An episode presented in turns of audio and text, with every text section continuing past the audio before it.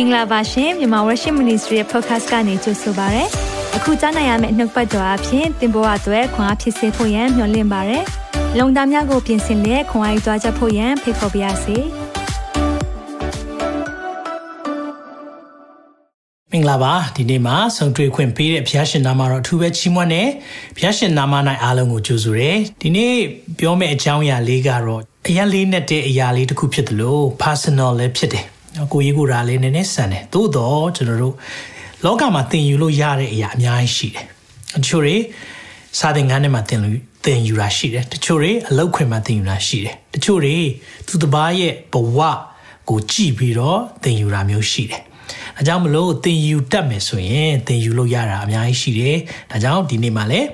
ဘယင်မထံအနေသင်ယူမိတဲ့သင်ခန်းစာ၅ခုအကြောင်းကိုပြောသွားမှာဖြစ်တယ်။ခဏလောက်အလက်ဝင်နိုင်အနှံ့ရအောင်။ သက်ရှင်သောဖျားကိုရောဒီနေ့ပြောမယ့်အကြောင်းအရာဟာသစ္စာရှိခြင်းနဲ့ကိုရောကိုချစ်တဲ့သူတယောက်ရဲ့အသက်ရှင်ခြင်းအကြောင်းကိုလေ့လာမှာဖြစ်တယ်။ဒါကြောင့်ကိုရောကျွန်တော်တို့ကိုခွန်အားပေးပါ။နားလေစေပါနှုတ်ကပတ်တော်ကိုလက်ဝင်၌အနန္တခါမှာတပါးရောသားရမြတ်သခင်ရှုနာမ၌စက္ကန့်နဲ့ဆုတောင်းပါ၏အာမင်အာမင်ဆိုဒီနေ့ Facebook season ဖြစ်တယ် ငါလူတို့သည်ပညာနည်းသောကြောင့်ဆုံးရှုံးကြ၏ဆိုတော့ကျွန်တော်တို့ပညာနည်းတဲ့အခါမှာဆုံးရှုံးတယ်ဒါကြောင့်သင်ယူလို့ရတဲ့အရာတွေသင်ယူဖို့ဖြစ်တယ်ဒီနေ့လဲကျွန်တော်တို့ဘီမကြီးဟိုအားကြကြတယ်တချို့တွေဘီမတော်ဝင်မိသားစုအကြောင်းရမ်းသိတဲ့သူတွေရှိတယ်နော်ရန်သဘောကျတယ်ဒါပေမဲ့သဘောကျယုံနဲ့ပြီးသွားတာမဟုတ်ဘဲနဲ့သူတို့ဘယ်လိုအသက်ရှင်တယ်လဲဆိုတာကိုလည်းလေ့လာဖို့ဖြစ်တယ်သင်ယူဖို့ဖြစ်တယ်အာမင်ဆိုတော့ဒီ နွေရသည်ပေါ့နော်အခုဆမ်မာသူတို့စီမှာဆမ်မာကုံကုံပြီးထင်ပါတယ်နော်ဆိုတော့ကျွန်တော်ဒီ2022ဆမ်မာလေးမှာဆမ်မာမက်ဆီနဲ့ကျွန်တော်လည်းအင်္ဂလန်ရောက်သွားတယ်အဲ့ဒီမှာတော့5 lessons from the queen ပြမကြီးထံမှသင်ယူမိတဲ့သင်ခန်းစာ9ခုကိုကျွန်တော် ပြောပြသွားခြင်းနဲ့9ခုမကရှိပါတယ်ဒါပေမဲ့ဒီ9ခုအချိန်တိုင်းတာရအောင်ကျွန်တော်တို့အရေးကြီးတဲ့အချက်လေးလို့ထင်တဲ့အရာ9ခုကိုကျွန်တော်ဒီနေ့မှာပြောပြသွားခြင်းနဲ့ပထမတစ်ခုကတော့ဘာလဲဆိုတော့ပြင်မရဲ့ဘဝကိုကြည့်တဲ့အခါမှာမြင်ရတဲ့အရာက servant leadership လို့ခေါ်တယ်ခေါင်းဆောင်မှုတော့ခေါင်းဆောင်မှုပဲဒါပေမဲ့အစေခံခေါင်းဆောင်မှု servant leadership ဒီအရာလေးကိုတော်တော်များများခေါင်းဆောင်ကြီးတွေက တွေ့တဲ့အချက်ဖြစ်တယ်ဘီယမကိုမြင်တွေ့တဲ့အခါမှာနော်သူရဲ့ဘဝကိုကြည့်တဲ့အခါမှာနှစ်ပေါင်း80ကျော်တိုင်းပြည်ကိုအုပ်ချုပ်ခဲ့ပေမဲ့သူဟာတက်ဥစံပိုင်ဘီရင်စနစ်နဲ့မဟုတ်ဘူးစီးမြင့်ခံပေါ့နော်စီးမြင့်ခံဘီရင်စနစ်ဖြစ်တယ်လို့သူတို့နိုင်ငံရေးထဲမှာလည်းမပါဘဲနဲ့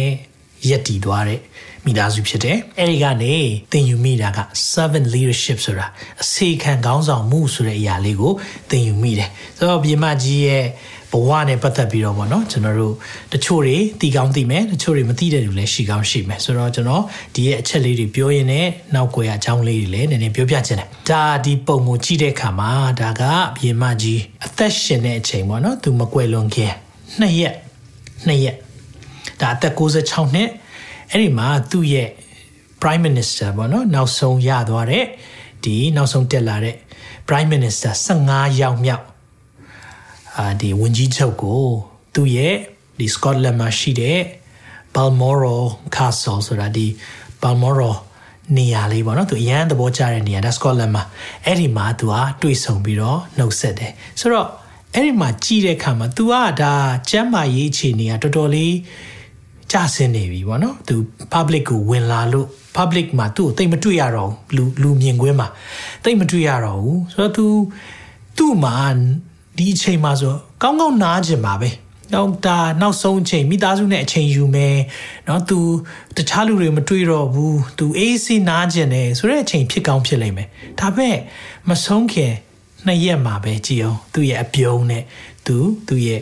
ဝန်ကြီးချုပ်ကိုကြိုးစိုးတယ်။ तू ကဘာလို့အဲ့လိုလုပ်တာလဲဆိုတော့ဒါသူ့ရဲ့ service ပေးတာ။ तू အစိတ်ခံတာ။ तू ဝန်ဆောင်မှုပေးတာ။ဒီလိုမျိုး तू လုပ်ခဲ့တာနှစ်ပေါင်း80ကျော်။ဒါအောင်မြင်တွေ့တဲ့အခါမှာကျွန်တော်တို့လူငယ်တွေများစွာသင်ယူရမယ့်အရာဖြစ်တယ်လို့ကျွန်တော်ဘဝမှာလည်းဒီပုံတွေ့တိုင်းမှာကျွန်တော်အလုပ်လုပ်နေတဲ့အရာတွေကဒီလိုမျိုးအခြေအနေရောက်လာခဲ့ရင်လုံနိုင်ပါအောင်မလားဆိုတာမေးခွန်းမေးမိတယ်။အော်ကျွန်တော်တို့ကခေါင်းခေါင်းကိုက်တယ်၊ဘိုင်နာတယ်အမျိုးမျိုးကျွန်တော်တို့အကြောင်းမျိုးမျိုးပြချင်တယ်။မူလာမအလုံးလုံးချင်တာ။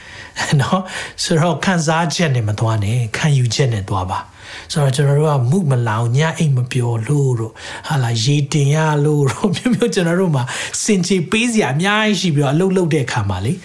အများကြီးရှိတာပေါ့နော်ဒါပေမဲ့မြေမကြီးကတော့ तू तू လှုပ်ရှားရှိတာ तू လုံမယ် तू ရေးကြီးတဲ့ຢာ तू လှုပ်တဲ့ຢာ तू လုံမယ်ဆိုပြီးတော့အဲ့ဒီခံယူချက်နဲ့သွားတယ်။ဘာကြောင့်လဲဆိုတော့ तू လွန်ခဲ့တဲ့နှစ်ပေါင်း80ကျော်တော့ဒီစကားကို तू ပြည်သူတွေကိုပြောခဲ့တယ်။ I declare before you all that my whole life ဆိုတာငါဘဝတစ်လျှောက်လုံးတဲ့အသက်တိုသည်ဖြစ်စေရှည်သည်ဖြစ်စေတဲ့အားလုံးကိုအစေခံဖို့ရန်အတွက်ပေးဆက်သွားပါမယ်ဆိုတဲ့စကားလုံး तू ပြောခဲ့တယ်။ဆိုတော့ तू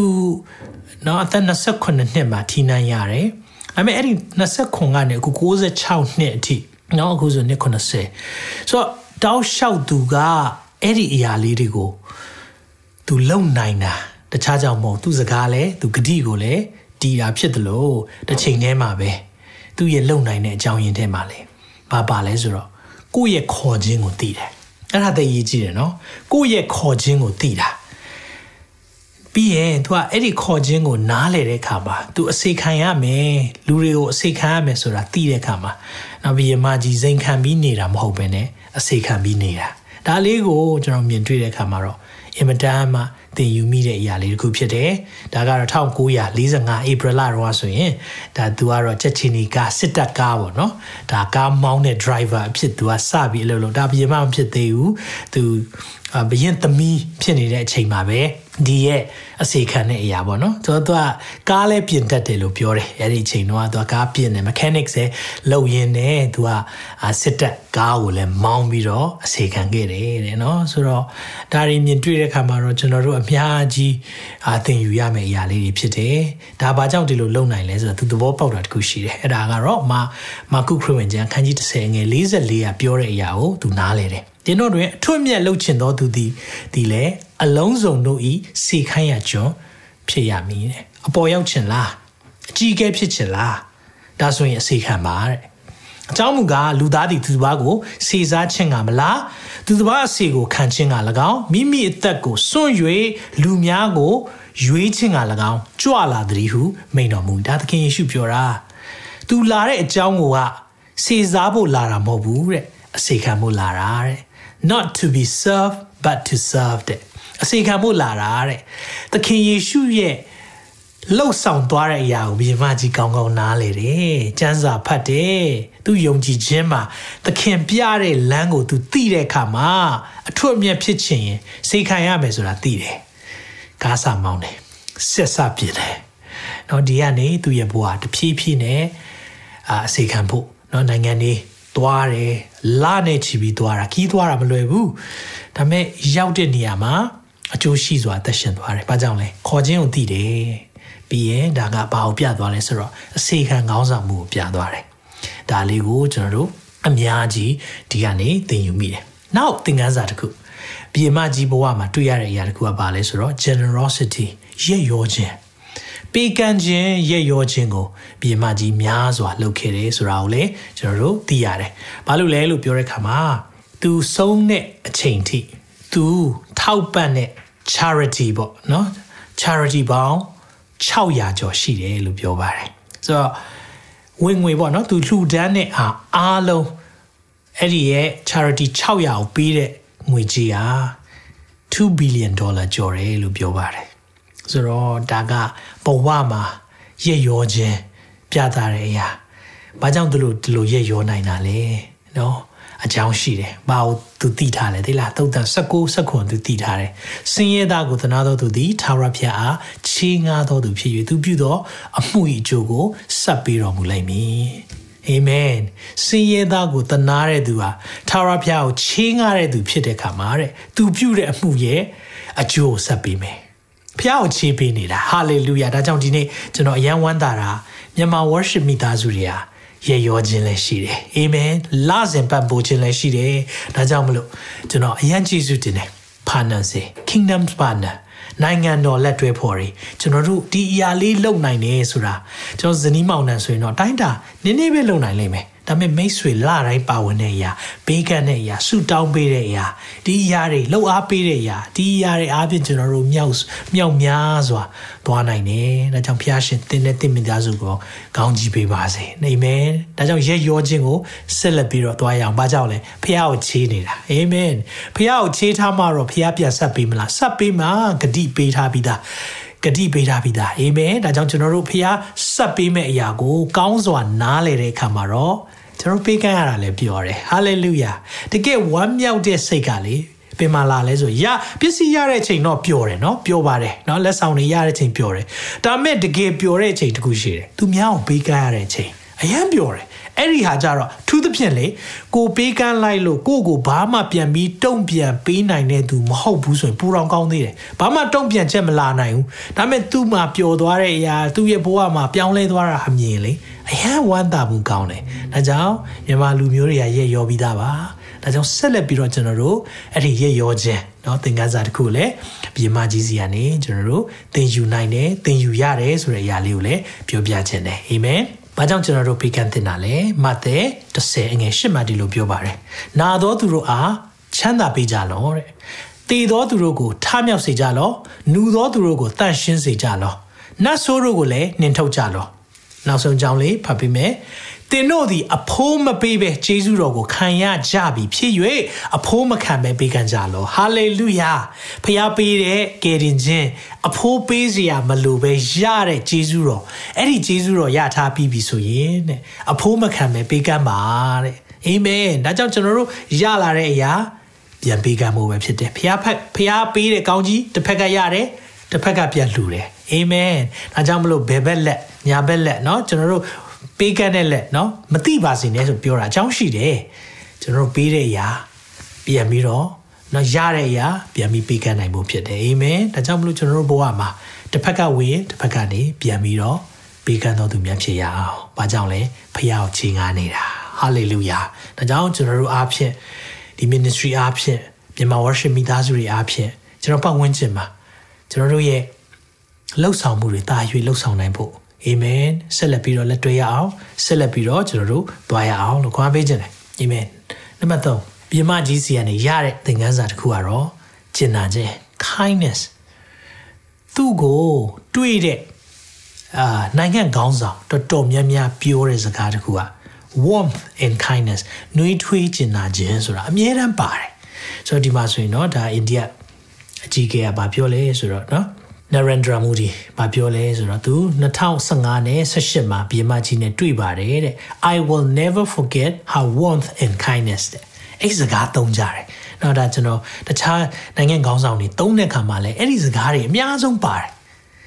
နှွေးထွေးခြင်းနဲ့ကျင်နာခြင်းကိုတဲ့ခံစားရတယ်တဲ့။မိခင်တယောက်လိုခံစားရတယ်တဲ့ကြည့်အောင်နော်။ပြင်မကြီးဆိုကျွန်တော်တို့ကကြောက်နေတာပေါ့နော်။တွေ့တဲ့အခါမဟုတ်ဘူး။သူနဲ့တွေ့တဲ့အခါမှာနှွေးထွေးပြူငါခြင်းကိုလူတွေကအမြဲတမ်းခံစားရတယ်ဆိုတာတွေ့ရတယ်။ဒါအင်မတန်မှအရေးကြီးတဲ့အချက်ပဲကျွန်တော်တို့ ਨੇ တွေ့တဲ့သူတွေဘယ်လိုခံစားသွားလဲเนาะကျွန်တော်တို့ ਨੇ တွေ့တဲ့သူတွေကျွန်တော်တို့ဘယ်လိုခံစားသွားလဲဆိုတာကိုအမြဲတမ်းကျွန်တော်တို့နားလည်ဖို့ဖြစ်တယ်အဲကြောင့်ကျွန်တော်တို့ ਨੇ တွေ့တဲ့သူတွေညှိထွေးခြင်းခံစားရလား ကျင်နာခြင်းခံစားရလားဒါမှမဟုတ်ရင်အာမလွယ်ဘူးလို့ခံစားရလားเนาะဒီနေ့ကျွန်တော်ယုံကြည်ပါတယ်ကျွန်တော်တို့အထက်ကရှိတဲ့အလင်းလင်းရအောင်ကျွန်တော်ရှိအထက်ကရှိတဲ့မေတ္တာပြရအောင်အာမင်။ဘာကြောင့်မလို့သခင်ဒီဘီယမကြီးကပြလဲသခင်စီကရတဲ့နှွေးထွေးကျင်နာခြင်းသူ့ထဲမှာအပြည့်ရှိလို့ထွက်လာတာ။ဘာကြောင့်ဆိုလူကကိုယ်ထဲမှာမရှိတဲ့အရာပြီးလို့မရအောင်လေနော်။ဆိုတော့ကျွန်တော်အထဲမှာတကယ်ရှိနေရင်အပြင်ကိုတကယ်ထွက်ပါတယ်။ အဲကြောင့်ဘီယမကြီးရဲ့ဘဝမှာကြည့်တဲ့အခါမှာအမြဲတမ်းနှွေးထွေးပြူငါခြင်းရှိတယ်တဲ့။ဒါလေးကိုလည်းကျွန်တော်တို့ kindness နော်ဒီနေ့လူတွေကဘာသာစကားတူချင်မှတူလိုက်မယ်။ဒါမဲ့ကျင်နာတယ်ဆိုရင်အမြဲတမ်းနှလုံးသားတိုင်းကခံစားလို့ရတယ်အာမင်ဒါကြောင့်ဖခင်ကလည်းချစ်ချင်းမေတ္တာဆိုတဲ့အရာကိုလူတိုင်းကိုပြတာ။ဘာကြောင့်လဲဆိုတော့ဘာသာတိုင်းလူမျိုးတိုင်းကနားလေတဲ့စကားမေတ္တာစကားဖြစ်တယ်။အာမင်။ဒါကြောင့်ကျွန်တော်တို့ဒီမေတ္တာတွေ ဒီလိုတယောက်နဲ့တယောက်ချစ်ရင်ဘာဖြစ်မလဲ။သိရကြီးတဲ့အရာဘုရင်မကြီးကဒီကျမ်းပိုက်ကိုကောင်းကောင်းနားလေတယ်။ရှင်ယောဟန်ခရစ်ဝင်ကျမ်းခန်းကြီး73ငယ်34နဲ့35သင်တို့ဒီအချင်းချင်းတယောက်ကိုတယောက်ချစ်ကြလော။ငါသည်သင်တို့ကိုချစ်သည်နည်းတူချင်းချင်းချစ်ကြလောဟုပြည့်ညတ်တစ်ကိုငါပေး၏တဲ့ဖခင်ကပြောတယ် new commandment ပြည့်ညတ်တစ်ထပ်ပေးမယ်နော်အချင်းချင်းချစ်ပါတဲ့ ဘာကြောင့်လဲ35အထူးတကွဖတ်ကြည့်အောင်သင်တို့သည်အချင်းချင်းချစ်ကြလေ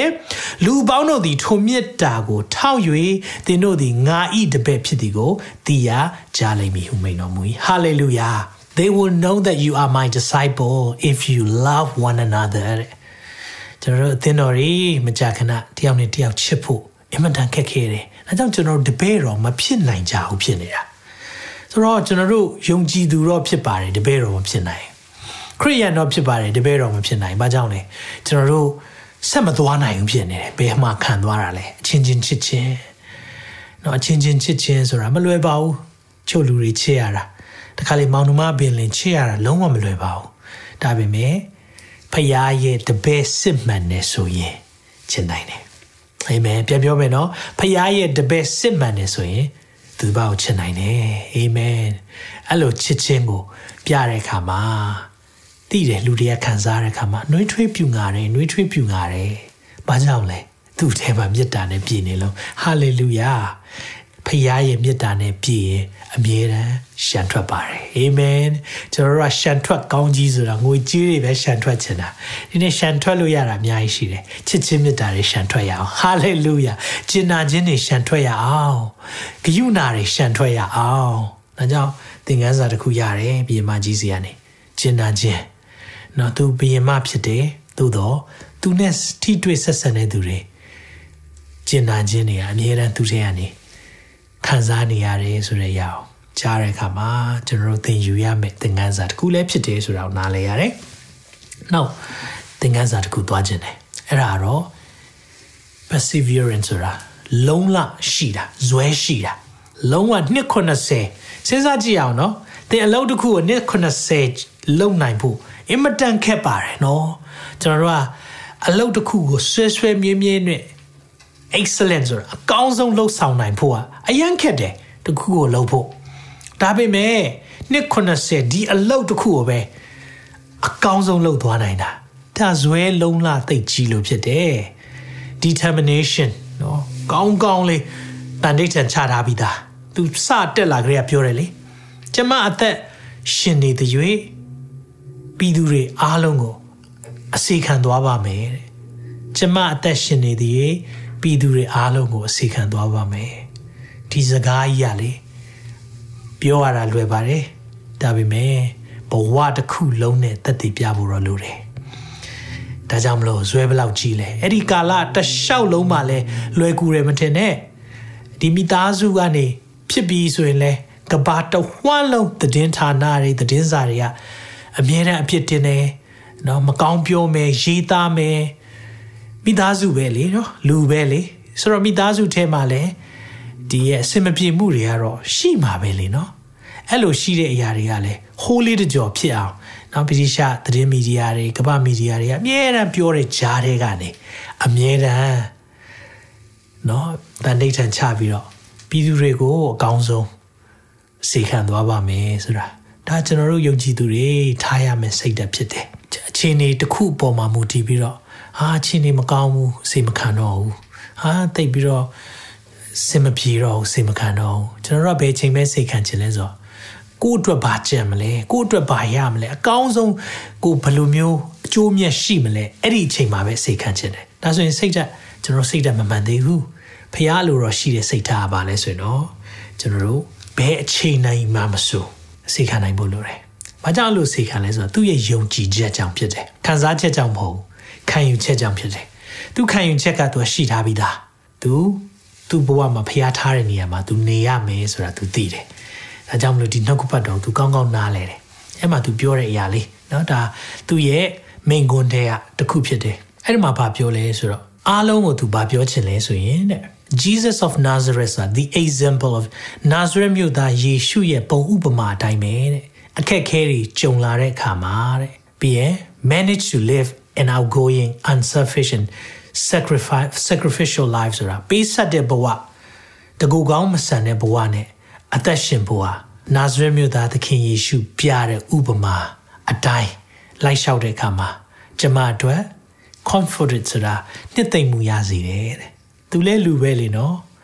တကဘာလုံးဝတစ်ခုဖြစ်ရင်တော့ပြောလာပြီလေနော်အဲ့ဒီအချိန်မှာ तू နှစ်သိမ့်ခြင်းပဲရလဲယေရှုစီရရတယ်တဲ့ဒီမှာသူရဲ့ speech ကိုကနေပြောတယ်အဲ့ဒီမှာဗာပြောလဲဆိုတော့လူတွေ he makes it clear that genuine human human happiness ဆိုတာဟိုလူတွေရဲ့စစ်မှန်တဲ့ပျော်ရွှင်ခြင်းနဲ့တဲ့ကြည်နပ်ခြင်းကဘဲကနေရတယ်လဲဆိုတော့တဲ့လက်ခံခြင်းတဲ့ အစိခံခြင်းကနေရတယ်တဲ့ရယူခြင်းတဲ့ပေးဆက်ခြင်းကနေရတယ်တဲ့ဒါအောင်သူနားလေတယ်ဒါကြောင့်မလို့ကျွန်တော်တို့အသက်တာမှာအထူးရေးကြည့်တယ်ဒီလိုမျိုးကျွန်တော်တို့သိထားတဲ့အခါမှာသူတခြားလူကိုမကြည့်ဘူးသခင်ယေရှုကိုကြည့်နေသခင်ယေရှုဘယ်လိုလုပ်သွားလဲအဲ့ဒီလုပ်သွားတဲ့အတိုင်းသက်ရှင်ပဲဟာလေလုယာဘလောက်ကောင်းလိုက်တဲ့စံပြဥပမာလဲကျွန်တော်ဒါကိုအများကြီး ယူသွားဖို့ဖြစ်တယ်ဒါကြောင့်ဟေဘရဲ30အငယ်23မှာမျော်လင့်ခြင်းအကြောင်းကိုဝန်ခံ၍မတိန်ရင်မရွေ့လျော့ပဲဒီကြည်ကြကုန်အာယုံကြည်ချက်တစ်ချက်မှမပြတ်သွားအောင်ဒီလိုအခက်ခဲကြုံလို့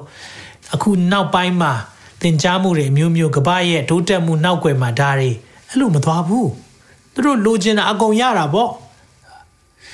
တော်ဝင်မျိုးရိုးပဲလေနော်စားချင်တာအကုန်စားလို့ရတယ် entertainment ဆိုတဲ့ဇိမ်ခံမဲ့ဆိုရင်เนาะဇိမ်ခံလို့ရတာအများကြီးရှိတယ်ဒါပေမဲ့ဘီမကြီးကဘယ်တော့မှမတိန်ရင်မရွေရောသူယုံကြည်ခြင်းကလည်းမပြောင်းသွားဘူးဝမ်းနေဖို့ကောင်းတာနောက်မျိုးဆက်တွေမှာတော့ဒါတွေကိုတွေ့ရတာနေသွားတယ်ဒါပေမဲ့ဘီမကြီးရဲ့ဘဝမှာကြည့်တဲ့အခါမှာတော့မျောလင့်ခြင်းကိုဝန်ခံထားတယ်သိကြတယ်အကြောင်းမူကားဂတိထားတော်မူသောသူသည်တစ္ဆာနဲ့ပြည့်စုံတော်မူ၏ ဖခင်ရဲ့တစ္ဆာရှိခြင်းသူ့ရဲ့သက်တာမှာတွေ့ရတယ်။ဒါကြောင့်မလို့သူ့ရဲ့အဲသူ့ရဲ့ခင်မွန်းတဲ့เนาะကျင်ရတော့နဲ့လေသူတို့ရိုးမြေကြပေါင်းတာဖြစ်တယ်။ပြီးခဲ့တဲ့နှစ်ကပဲမင်းသားကြီးဖိလစ်ဆုံးသွားတယ်။ဒါပေမဲ့သူအဲ့ဒီအချိန်ထိပေါင်းသွားတယ်။သူတို့ရိုးမြေကြပေါင်းတင်ခြင်းအဲ့ဒါတွေ့ရတယ်လို့ခုနကျွန်တော်တို့ဝင်ကြီးချုပ်အသစ်နဲ့လက်ဆွဲနှုတ်ဆက်တယ်။တေဒီတိုင်အောင်ဖျားထားတဲ့နေရာမှာအလုပ်လုပ်သွားတယ် ဒါအင်မတန်မှဂုံယူစရာဖြစ်တယ်လို့သင်ယူရတဲ့အရာလည်းဖြစ်တယ်ဆိုတော့ကျွန်တော်နားလည်ဖို့ဖြစ်တယ်အာမင်နောက်ဆုံးသင်ခန်းစာလေးဘာရသွားလဲ faithfulness သစ္စာရှိခြင်းအဲ့ဒီသစ္စာရှိခြင်းကလေအင်မတန်မှရည်ကြီးတယ်အဲ့လိုသစ္စာရှိတယ်သေသည့်တိုင်အောင်သစ္စာရှိတယ်ခင်မွန်းတဲ့ပုံမှာလည်းသစ္စာရှိတယ်တိုင်းပြည်ပုံမှာလည်းသစ္စာရှိတယ် ဖျားပုံမှာလည်းသစ္စာရှိတယ်ဒီအရာကိုမြင်တွေ့တဲ့အခါမှာတော့ तू ဘာကြောင့်ဒီလိုသစ္စာရှိနိုင်လဲဒါ2016 Christmas message ဟောက तू ပြောလိုက်တဲ့အရာလေးတခုမှမပြောလဲဆိုတော့သခင်ယေရှုကတဲ့ခီးဝေးကြီးတော့မသွားဘူးဘူးတဲ့ဒါပေမဲ့တဲ့သူ့နောက်မှာလိုက်နေတဲ့သူတွေတန်းထောင်နဲ့ချီရှိတယ်တဲ့သူ့ရဲ့ teaching And yet, billions of people now follow his teaching and find him in guiding light for their lives. ဘဝမှာညွန်ပြတဲ့အလင်းအဖြစ်သခင်ယေရှုရဲ့သင်ကြားခြင်းတွေကိုလူပေါင်းမြောက်များစွာတန်းထောင်ချီရလိုက်နေတယ်တဲ့။သူကဟောပြောသွားတယ် I am one of them ပြောပြီနော် I am one of them because Christ's example helps me see the value of doing small things with great love တဲ့ ကျွန်တော်ကြိုက်ဆုံးပဲသခင်ယေရှုပြတဲ့ဥပမာနောက်ကိုလိုက်တဲ့ထဲမှာကျွန်မတယောက်ပါဝင်ဖြစ်တယ်လို့တဲ့ကြီးမားတဲ့မေတ္တာနဲ့သေးငယ်တဲ့အရာတွေလှုပ်ဆောင်နိုင်ဖို့သခင်ယေရှုဟာအကောင်းဆုံးပုံသက်သစ်ဖြစ်တယ်တဲ့ပြန်ပြောမယ်နော်ကြီးမားတဲ့မေတ္တာနဲ့သေးငယ်တဲ့အလုပ်တွေကိုကြီးမားတဲ့မေတ္တာနဲ့လုပ်နိုင်ဖို့ဟာတဲ့သခင်ယေရှုပြတဲ့ ဥပမာဟာတာရကအကောင်းဆုံးဖြစ်တယ်တဲ့သူသခင်ယေရှုကိုကြည့်တယ်ဆိုတာဒါအသိသားတယ်ဒါကြောင့်မလို့လဲသူ့ရဲ့ကဘာတလွမ်းလွှမ်းမိုးမှုကြီးဟာတအားကြီးတာသနာတဟာယနိုင်ငံ90ကျော်နော်နိုင်ငံတွေကျွန်တော်ဩစတြေးလျနိုင်ငံဆိုလဲခုချိန်ထိအာ Commonwealth ရဲ့အဲမှာเนาะတရတရတဟာယနိုင်ငံထဲမှာရှိနေသေးတယ်တချို့တွေ Republic ပေါ့เนาะဒါလွတ်လပ်တဲ့အာလွတ်လပ်ရေးတွေယူသွားကြပြီတည်တံ့ရက်တည်သွားကြပြီမဲ့ အားလုံးကတော့တူညီတဲ့အရာတစ်ခုရှိတာကတော့ပြမကြီးကိုလေးစားခြင်းနဲ့သူ့ရဲ့သစ္စာရှိခြင်းကိုတော့အမြဲတမ်းသူတို့ပြောတဲ့အရာလေးတွေတွေ့ရတယ်။နိုင်ငံကောင်းဆောင်တွေကဒီချိန်ထိပြောတယ်။ကနေဒါဝင်ကြီးချုပ်ဆိုရင် one of my favorite people တဲ့အကြိုက်ဆုံးအနှစ်သက်ဆုံးလူတွေထဲကပြင်မကြီးကတယောက်ပါဝင်ဖြစ်တယ်ဆိုတော့ဒါတွေဘာကြောင့်ဖြစ်တာလဲ तू သိနေလေသခင်ယေရှုရဲ့ဥပမာနောက် तू လိုက်နေတယ်မိတ်ဆွေမြင်လားမသိဘူး ဒီနေ့အောင်မြင်တဲ့သူတွေကြော်ကြားတဲ့သူတွေထူးချွန်တဲ့သူတွေကဘာတဝမ်းလွှမ်းမိုးမှုကြီးတဲ့သူတွေသူတို့မှလည်းလေလိုက်နေတဲ့သူရှိတယ်သူတို့သင်ယူရတဲ့ပုံကိုရှိတယ်တခြားလူမဟုတ်ဘူး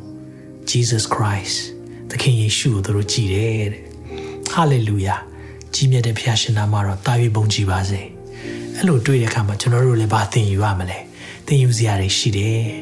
သစ္စာရှိတဲ့သူလေ ဖခင်ကလေသူသစ္စာရှိခြင်းကိုလည်းတက်တည်ပြတယ်အဲ့ပြေမကြီးစုံတဲ့ချိန်မှာသူ့ရဲ့ Beckham နန်းတော်မှာတက်တန်ကြီးပေါ်လာနှစ်ထပ်တောင်ပေါ်တာသခင်ကတော့သူ့ပေါ်မှာသစ္စာရှိတဲ့ငယ်သားအတွက်သူ့ရဲ့ဂတိတော်လည်းရှိနေတယ်ဆိုတာပြလိုက်တာပဲဒါ prophetic ပဲနော်အကြောင်းမလို့အများကြီးကျွန်တော်တို့ ဖခင်ရဲ့လှုပ်တဲ့အရာတွေနော်ဖခင်ကိုချစ်တဲ့အရာတွေဖခင်ကိုချစ်တဲ့သူဖခင်ချစ်တယ်ဖခင်ပေါ်မှာသစ္စာရှိတဲ့သူဖခင်သူသစ္စာနဲ့ဂတိတည်တဲ့သူဖြစ်ကြောင်းလဲတဘာဝတရားကြီးနဲ့ပြလိုက်တယ်ဟာလေလုယာဒါကြောင့်ကျွန်တော်တို့ဒီနေ့မှာဆင်ခြင်ရအောင်သစ္စာရှိတဲ့သူမဿဲ25မှာကျွန်3ရက်တရားအခွက်90တရား20တရား30ပြီးတယ်အဲ့ဒီချိန်မှာ90အခွက်အများဆုံးရတဲ့သူက90ပြန်ယူလာရတယ် အဲ့မှာသခင်ကပြောလိုက်တယ်ငွေ27မှာအရှင်ကလည်းတာဓုတစ္ဆာရှိသောငယ်သားကောင်းသင်သည်အမှုငယ်၌တစ္ဆာဆောင်လေပြီများစွာသောအမှုခွင့်ကိုသင်၌ငါအပ်ပေမည်သင်၏သခင်နှင့်အတူစီးစိမ်ကိုဝင်စားလောဟုမိန်တော်မူ၏ဟာလေလုယာဒီနေ့တစ္ဆာရှိခြင်းဆိုတာလေအခွက်20ဆိုလဲ20ပြန်ပါလာရတယ်10ခွက်ဆိုလဲ10ခွက်ပြန်ပါလာရအခွက်90ဆိုလဲအခွက်90ပြန်ပါလာရတယ်အခွက်1000ဆိုလဲ1000ပြန်ပါလာရတယ် ဘာကိုပြောချင်တာလဲတင့်ကိုဖခင်ကလေ much is giving much is required အများကြီးပေးထားရင်အများကြီးလုပ်ဖို့ဖြစ်တယ် hallelujah တင့်မှာအစွမ်းစာအများကြီးရှိတယ်ဆိုရင်အများကြီးလုပ်ပါအာမင်သခင်ကအဲ့ဒီအရာအတွက်ဒီနေ့ဘုန်းတော်ဝင်စားဖို့သင်ဘုန်းတော်ဝင်စားတဲ့ချိန်ဒါမှမဟုတ်သခင်ပြန်လာလို့တွေ့တဲ့ချိန်မှာသူနဲ့အတူစီးစိမ်ဝင်စားပါတဲ့ပြောလို့ရတယ် well done and faithful servant လို့သေချာပေါက်ခေါ်မှာပဲသခင်ကတော့ ကြည်ပါအောင်နှစ်ပေါင်း80ကျော်အလုပ်တစ်ခုကိုဒီဇိုင်းမမတ်နဲ့လုပ်သွားတယ်အကောင်းဆုံးလုပ်သွားတယ်အာနာနဲ့လုပ်တာမဟုတ်ဘူးကျင်နာခြင်းမေတ္တာနဲ့လုပ်သွားတယ်ဒါတွေကျွန်တော်တို့သိယူရအောင်ဟာလေလုယာဒါကြောင့်ဒီနေ့သင်ခန်းစာ၅ခုရတယ်ပြင်မာကြီးစီကနေစေခံကောင်းဆောင်မှုစေခံခြင်းနဲ့ဘာကြောင့်လဲသခင်ယေရှုရဲ့စေခံခြင်းကိုသူနားလဲတယ်ရက်ရောတယ်ဘာကြောင့်လဲသူဖျား ကိုချင်းကားတယ်ဆိုတာသိတဲ့အခါမှာသူ့ဘဝတစ်လျှောက်လုံးမှာဘေးကန်းခြင်းနဲ့သွားတယ်ကျင်နာခြင်းနဲ့သူနဲ့တွေ့တဲ့သူတိုင်းခံစားရတယ်ဇွဲရှိတယ်အခြေအနေပေါ်မှာရက်တည်ဘူးခံစားချက်ပေါ်မှာမရက်တည်ဘူးခံယူချက်နဲ့သွားတယ်ပြီးရင်ဖះပေါ်မှာသစ္စာရှိတယ်မိသားစုပေါ်မှာသစ္စာရှိတယ်အလုပ်ပေါ်မှာသစ္စာရှိတယ်အာမင်ဒီလိုလိုဒီလိုလူမျိုးကိုကျွန်တော်တို့ celebrate လုပ်ရအောင်ဒီနေ့မှာအာမင်ဒီလိုလူမျိုးရဲ့ဘဝအတွက် ဒီလိုမျိုးဘုရင်မကြီးကျွန်တော်ဘဝတစ်လျှောက်လုံးဆိုရင်ဘုရင်မအဖြစ်ပဲကျွန်တော်သိခဲ့တာเนาะနှစ်80အုပ်ချုပ်ခဲ့တော့တော်တော်များများဒီမှာရှိတဲ့သူဟာသူသူမွေးမမွေးခင်ကတည်းကသူကဘုရင်မဖြစ်လာတာเนาะဆိုတော့ဒါလေးမြင်တွေ့တဲ့အခါမှာများစွာဒီနေ့သင်ယူရတယ်ဒါလေးပြောပြီးတော့ဆုံးသက်ခြင်းတယ်ကျွန်တော်တို့ကဘဝမှာကောဘာဆက်လုပ်ဖို့လို့လဲဒီနေ့ကျွန်တော်တို့ကတမချန်းစာပြောထားရရာ ဆရာရဲ့ तू ကဘယင်မဆိုတော့သူ့မှာအချွေရန်နေရှိတာပေါ့သူ့မှာလှုပ်ပေးတဲ့သူတွေရှိတာပေါ့ဒါကြောင့် तू ကလှုပ်နိုင်တယ်လို့သင်ပြောခဲ့တယ်ဆိုရင်သခင်ကတင့်ကိုဘယ်လိုမြင်လဲဆိုတာဒီနေ့လှုပ်ဖတ်တော်နဲ့ပြောပြခြင်းနဲ့တစ်ပေနှစ်ငယ်ကိုမှာတင်တို့မူကမှောင်မိုက်ထဲမှာအံ့ဘွယ်သောအလင်းတော်သို့ခေါ်သွင်းတော်မူသောသူဤဂုံကျေးဇူးများကိုဖော်ပြစေခြင်းကဘသူ့ကိုပြောတာလဲတာသခင်ယေရှုပြောတာမှောင်မိုက်ထဲကနေအံ့ဘွယ်အလင်းကို ခေါ်သွင်းတာသခင်ယေရှုသူ့ရဲ့ဂုံကိုဖော်ပြဖို့တဲ့ဘာလုပ်ထားလဲရွေးချယ်တော်မူသောအမျိုးဖြစ်ကြတယ်။သင်ကိုရွေးထားတဲ့မင်းစည်းစိမ်ရှိသောယစ်ဘရဟိမ်မျိုးတဲ့ ဘီမကြီးတွေဘီရင်တွေပဲအားလုံးကမင်းမျိုးမင်းနွယ်တွေပဲဟာလေလုယာ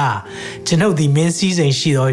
ယစ်ဘရဟိမျိုးဖြစ်တယ်ဟာလေလုယာကျွန်ုပ်သည်တန်ရှင်းသောလူမျိုးဖြစ်တယ်ကျွန်ုပ်သည်ပိုင်ထိုက်တော်မူသောအပေါင်းအသင်းဖြစ်ကြတယ်အာမင်ဒီနေ့ကျွန်တော်တို့ဒါဝန်ခံမှုဖြစ်တယ်တမန်ကျမ်းစာပြောရတယ်အထက်ကအပေါင်းအသင်းမဟုတ်ယခုတွင်ဘုရားသခင်အပေါင်းအသင်းဖြစ်ကြ၏ဂယုဏကျေးဇူးတော်ကိုအထက်ကမခံရတော့လေယခုတွင်ခံရကြ၏ဟာလေလုယာအရင်ကမရတဲ့အရာတွေဒီနေ့ရတယ် ဘာလို့ဖို့လဲတင့်ကိုလေဖခင်ကရွေးကောက်ထားတာအကြောင်းရှိတယ်ရွေးနှုတ်ထားတာအကြောင်းရှိတယ်။သင်ဟာယေရှုခရစ်တော်ကိုကယ်တင်ပိုင်ရှင်အရှင်သခင်ဖြစ်လက်ခံထားတဲ့သူဖြစ်ရင်သင်ဟာအလင်းတော်သို့ခေါ်သွင်းခြင်းခံရတဲ့သူဖြစ်တယ်။အဲ့လိုခေါ်သွင်းခြင်းခံရတဲ့သူရဲ့ဘာကိုဖော်ပြမှာလဲ။ဂုံကျေးဇူးတွေကိုဖော်ပြဖို့။အာမင်။ဒါကြောင့်ဘုရင်မကြီးကသူ့ရဲ့အတိုင်းအတာနဲ့သူ့ရဲ့အစွမ်းစားနဲ့သူ့ရဲ့ယာထူးနဲ့ဖခင်ရဲ့ကောင်းမြတ်ခြင်းကိုဖော်ပြသွားတယ်။ သင်လည်းတာဝန်ရှိတယ်။ကျွန်တော်လည်းတာဝန်ရှိတယ်။သူ့မှာအခွက်အများကြီးရှိတဲ့အခါမှာသူအများကြီးလှုပ်သွားတယ်။သင်လဲသင်ရရှိထားတဲ့ဖျားပေးထားတဲ့တာဝန်ကိုကြည်ပြွန်စွာထမ်းဆောင်ဖို့လိုတယ်။အာမင်။တခုတော့မမေ့နဲ့။ဒီနေ့ဘီယမကြီးပြောတဲ့အရာအဲမှာအရေးကြီးတဲ့အရာ for Christian တဲ့ယုံကြည်သူတွေရဲ့အသက်တာမှာ as for all people of faith reflection meditation and prayer help us to renew ourselves in God's love ကိုကိုကိုဆင်ခြင်ရမယ်တဲ့ meditate လုပ်တယ်ဆိုတာတရားတော်၌မှု့လျော်တာเนาะအဲ့လိုလုပ်ပြီးတော့ prayer ဆုတောင်းခြင်းဟာတဲ့ဖခင်ရဲ့မေတ္တာကျွန်တော်တို့အထဲမှာရှိဖို့ပြန်လည်၍စမ်းသစ်စေပါတယ်ဒါကြောင့်မလို့ကျွန်တော်အမြဲတမ်းပြန်ပြီးတော့သုံးသပ်ဖို့လိုတယ်ကိုဘွားကို ကိုဘွားကိုပြန်သုံးသပ်ဖို့လိုတယ်သခင်အသက်ရှင်စီလိုတဲ့အတိုင်းအသက်ရှင်ပြီလားဘဝမှာသခင်ခိုင်းတာလုပ်ပြီးပြီလားစင်ချင်ရအောင်ကျွန်တော်တို့ကိုယ့်ရဲ့ကြိုက်တဲ့အရာတွေပဲလုပ်နေစေလားဒါမှမဟုတ်သခင်အသက်ရှင်စီလိုတဲ့အသက်တာတိုင်းအသက်ရှင်ရဲ့လားပြီးအများကြီးပြောသွားတဲ့အရာနောက်ဆုံးဒီအရာလေးနဲ့ဆုံးသက်ခြင်းနဲ့ Queen Elizabeth called Jesus Christ the King she serves သူပြောလိုက်တာတခုရှိတယ်နော်နိုင်ငံမတိသူမရှိလောက်အောင်နာမည်ကြီးတဲ့ဘုရင်မကြီးဓာတ်ပုံရိုက်ခံရမှုအများဆုံးဘုရင်မကြီးအကျော်ကြားဆုံးအမျိုးသမီး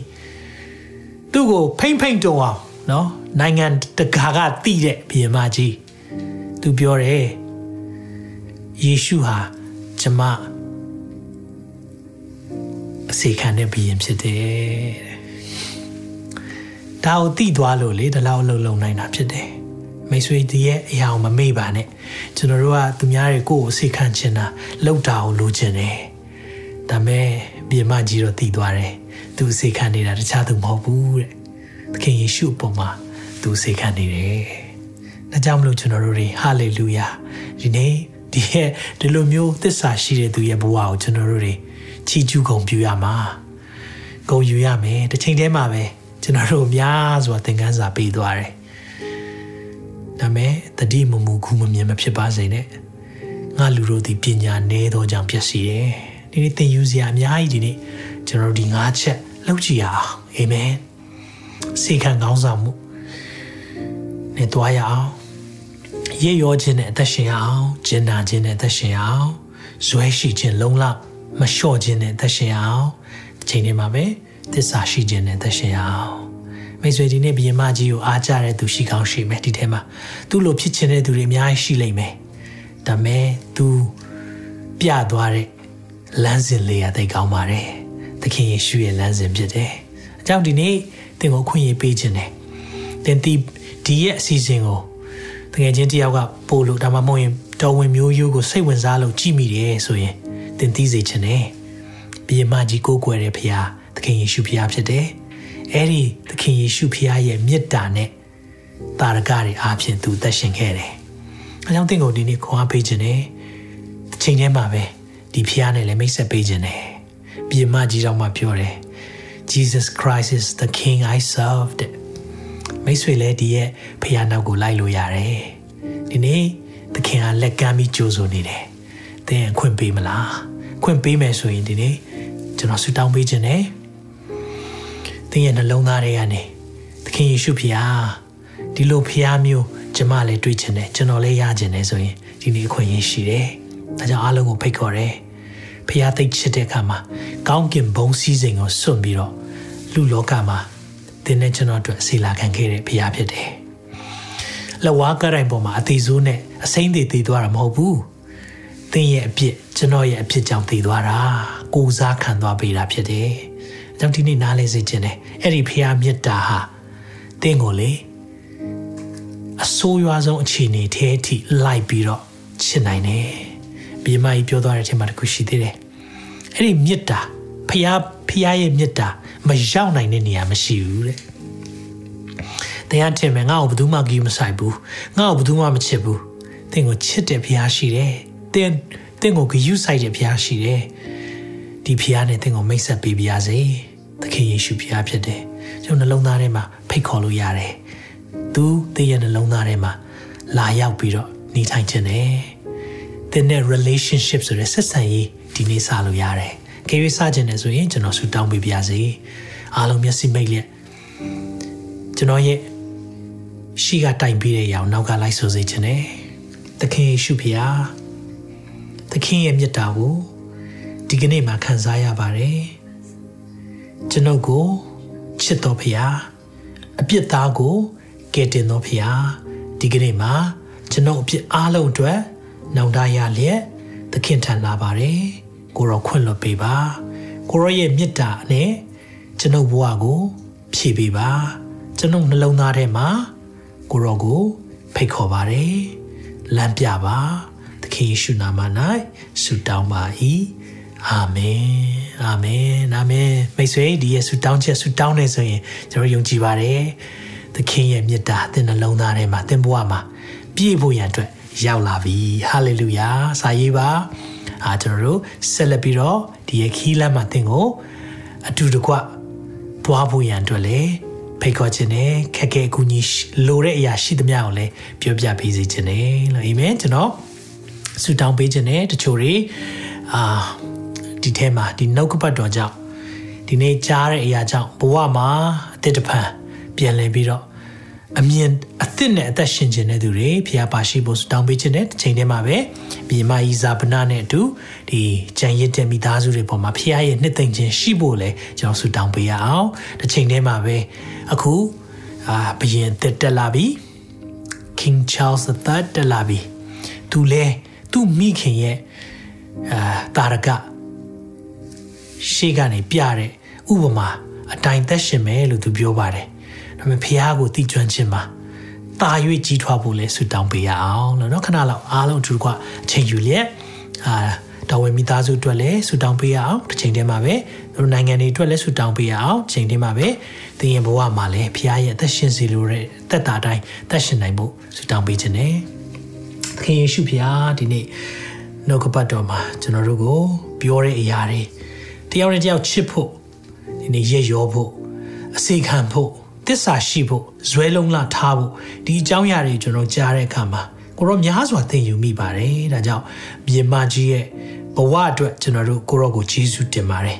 ခုလိုတစ္ဆာရှိတဲ့သူတယောက်ကျွန်တော်တို့ရှေ့မှာမျက်ဝါးထင်ထင်ကိုရောပြသလို့လည်းကျေးဇူးတင်တယ်သူရဲ့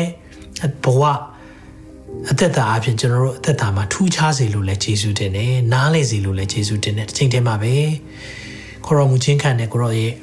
သမီးကြီးနဲ့ဆက်ဆက်တဲ့တော်ဝင်မိသားစုအတွက်လည်းဆုတောင်းပေးပါတယ်သူတို့လည်းတော်ဝင်မိသားစုဖြစ်တယ်လို့လူသားပဲဖြစ်တဲ့အခါမှာချစ်တဲ့သူတယောက်ဆုံးရှုံးတဲ့အခါမှာသူတို့လည်းများစွာခံစားနေရပါတယ်အကြောင်းလူတွေပေးတဲ့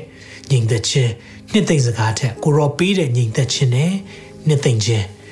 တန်ရှင်းသောဝိညာဉ်တော်ရဲ့မဆာခြင်းမိသားစုတော်ဝင်မိသားစုပေါ်မှာတက်ရောက်ပါမိကြောင်းဒီနေရာကနေဆုတောင်းကောင်းချီးပေးပါတယ်အချိန်ထဲမှာပဲကိုရောဒီဇာပနာကိစ္စအဝဝမှာလေကိုရောရဲ့ပါရှိခြင်းနဲ့လမ်းပြခြင်းရှိစေပါကိုရောကိုတည်သည့်တိုင်အောင်သစ္စာရှိတဲ့သမီးပေါ်မှာကိုရောရဲ့မျက်နှာသာနဲ့မာစာခြင်းအထူးခံစားရပါမိကြောင်းလဲဆုတောင်းပါတယ်တစ်ချိန်တည်းမှာပဲမြေမကြီးရဲ့ဘဝအသက်တာကို ပြန်ပြီးတော့စဉ်းစားဆင်ခြင်တဲ့သူတိုင်းဒီလေသခင်ရဲ့မေတ္တာနဲ့ကျင့်တာခြင်းကိုသိရှိပြီးတော့နားလည်ပါမိကြောင်းကိုရောကိုရိုင်းပဲလမ်းပြပို့ဆောင်ပေးပါတကဘာလုံးကိုဒီနေ့ impact ဖြစ်စေတဲ့အမျိုးသမီးဖြစ်တယ်လို့ကျွန်တော်တို့အတွက်လည်းယုံကြည်ခြင်းမှာစံပြထားလို့ရတဲ့အမျိုးသမီးလည်းဖြစ်တဲ့အတွက်ဒီနေ့ကိုရောဒီသမီးရဲ့ဘဝအတွက် ကိုရောကိုယေရှုတင်တယ်။တာဓုသစ္စာရှိတော်သူများဖြစ်ဖို့ရန်အတွက်ဆက်လက်မဆာပါတစ်ချိန်တည်းမှာပဲဒီနေ့ကြားနာရတဲ့အကြောင်းအရာအဖြစ်ဘဝမှာအမြင်သင့်တဲ့အသက်ရှင်ဖို့ရန်အတွက်ဆုံးဖြတ်တဲ့သူတယောက်ချင်းစီတိုင်းရဲ့သက်တာမှာလဲကိုရောဒီနေ့ပြောခဲ့တဲ့ငါးချက်စေခံခြင်းနဲ့အမှုဆောင်တော်သူများ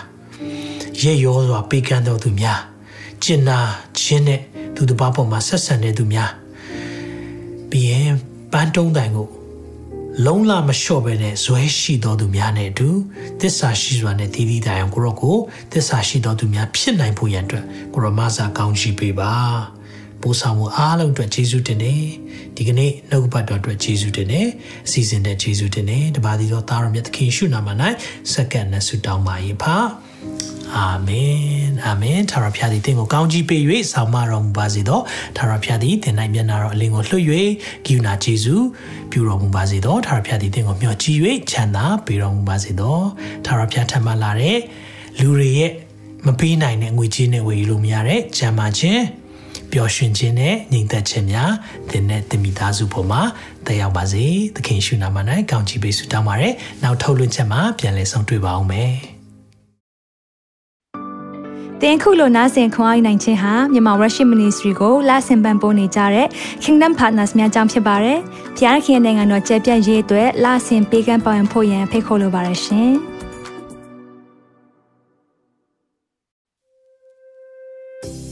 ။အခုကြားနာခဲ့ရတဲ့နှုတ်ပတ်တော်အဖြစ်ခွန်အားရရှိမဲ့လို့ယုံကြည်မျှော်လင့်ပါတယ်။ခွန်အားရဆိုလို့ရှိရင်ဒီတစ်ပတ်နဲ့ပြန်လည်ဝင်မြပေးဖို့ရန်တောင်းဆိုပါရစေ။ မြန်မာ Worship Ministry ရဲ့ website myanmarworship.com ကိုလည်းလာရောက်လေ့လာဖို့ရန်အတွက်ဖိတ်ခေါ်ချင်ပါတယ်။တစ်ချိန်တည်းမှာမြန်မာ Worship Ministry ရဲ့ social media platform များဖြစ်တဲ့မြန်မာ Worship YouTube Channel, မြန်မာ Worship Facebook Page နဲ့မြန်မာ Worship Instagram များကိုလည်းလာရောက်လေ့လာဖို့ရန်အတွက်ဖိတ်ခေါ်ချင်ပါတယ်။နောက်တစ်ချိန်မှာပြန်လည်ဆုံတွေ့ကြပါစို့။ဖျားရှင်ကောင်းကြီးပေးပါစေ။